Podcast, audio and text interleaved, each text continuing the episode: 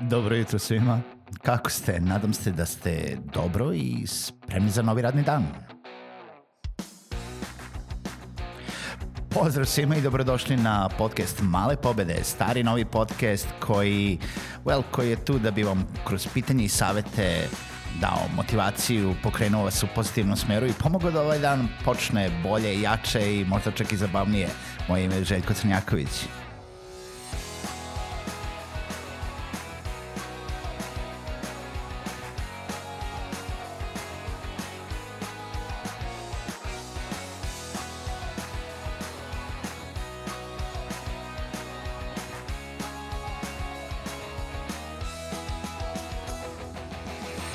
Pozdrav svima, dobrodošli u još jednu epizodu podcasta Male pobede. Moje ime je Željko Crnjaković, ja sam vaš domaćin na ovom podcastu i nadam se da ćemo vas i danas vojesti kroz neke male pobede koje će vas dovesti do velikih dostignuća.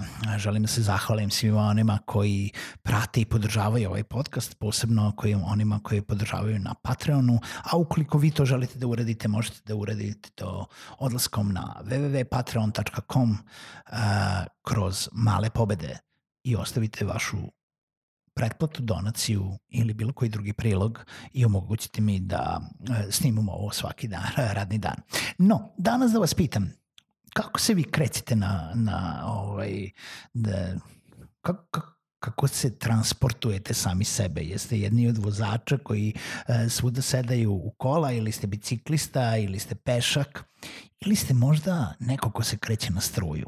Sve popularnije u, današnje vreme ne samo uh, ove godine uh, je ta neka neke bicikle na struju, uh, ovi hibridi u autu, uh, neki mini mopedi koji su isto na struju, a odnedavno i trotineti na, na struju. Nekada su to bili čak i oni, oni um, skateboardi koji su imali dodatak, mali elektromotor, imali ste mali daljinski bežični sa kojim ste se mogli kretati. Ja mislim da su to bili neki od prvih onih tako elektro pokretača.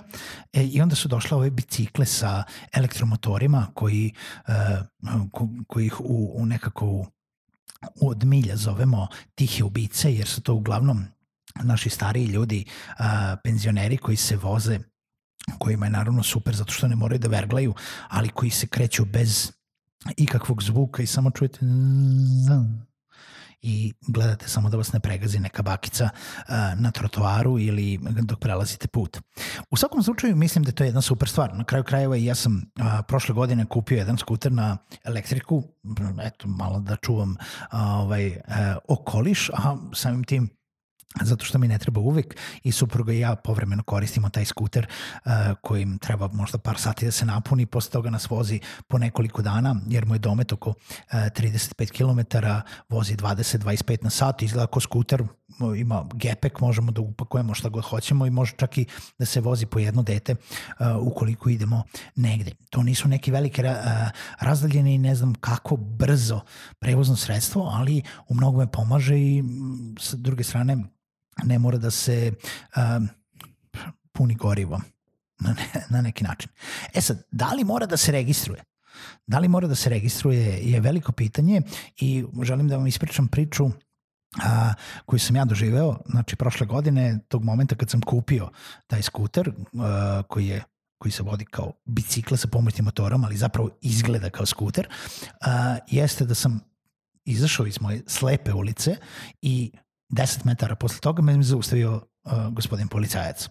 E, to je bila nedelja negde oko 19.30 uveče i mi smo proveli brat bratu jedno pola sata raspravljajući se oko toga da li ovo treba da se registruje, ne treba da se registruje, e, zašto ja ovo nisam registrovao i tako dalje. E, mi smo taj razgovor završili sa mojim, mojom molbom da ili će da me kazni ili će da me pusti jer on i ja nećemo ništa da rešimo u narednih pola sata u nedelju u pola osam uveče.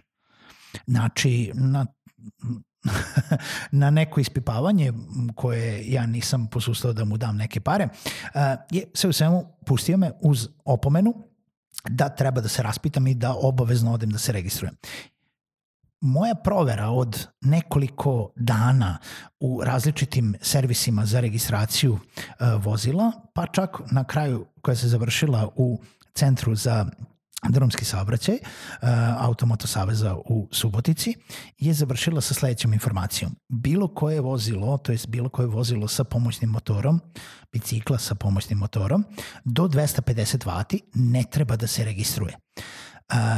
I onda sam ja rekao onom gospodinu preko telefona, ali imao sam problem, to ne izgleda kao bicikla. Pa ni Fića ne izgleda kao Mercedes, pa i dalje auto i jedno i drugo. Tako da bilo koje vozilo bicikla sa pomoćnim motorom koje je do 250 W ne treba za sada da se registruje, da li će se menjati zakon ili ne, to ne znam da kažem, ali eto da kažemo da morate.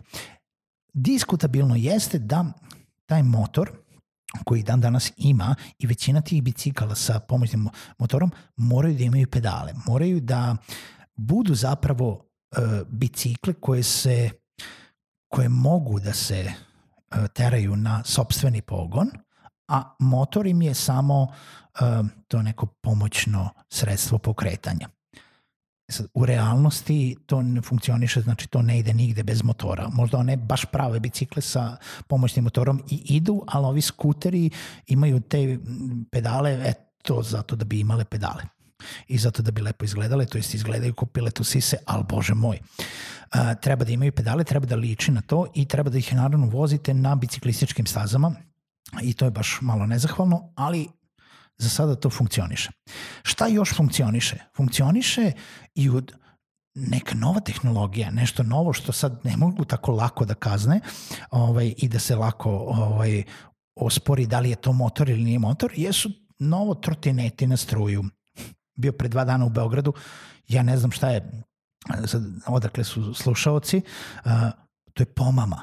To od kako su sad trotineti na struju uh, postali hit, ja sam ih za sat vremena u Beogradu video barem 20. I video sam ih u svakoj mogućoj prodavnici na prodaju.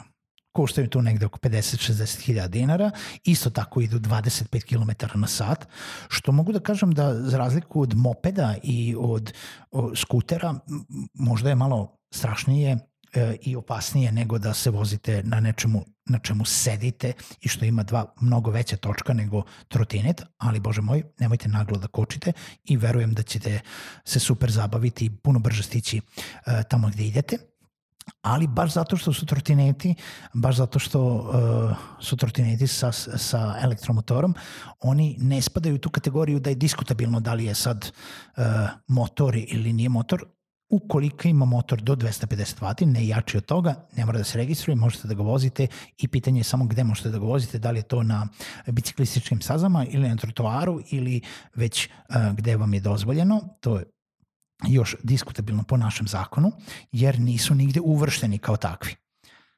Znači morate debelo da pazite, ali za sada je bezbedno. Uh, ono što je prednost takvih trotineta jeste za razliku od bilo kojih mopeda ili e, bicikla, taj trotinet možete da sastavite i poneste sa sobom ili u gradski prevoz ili da ga srpate u auto ili da ga ponesete negde gore u zgradu.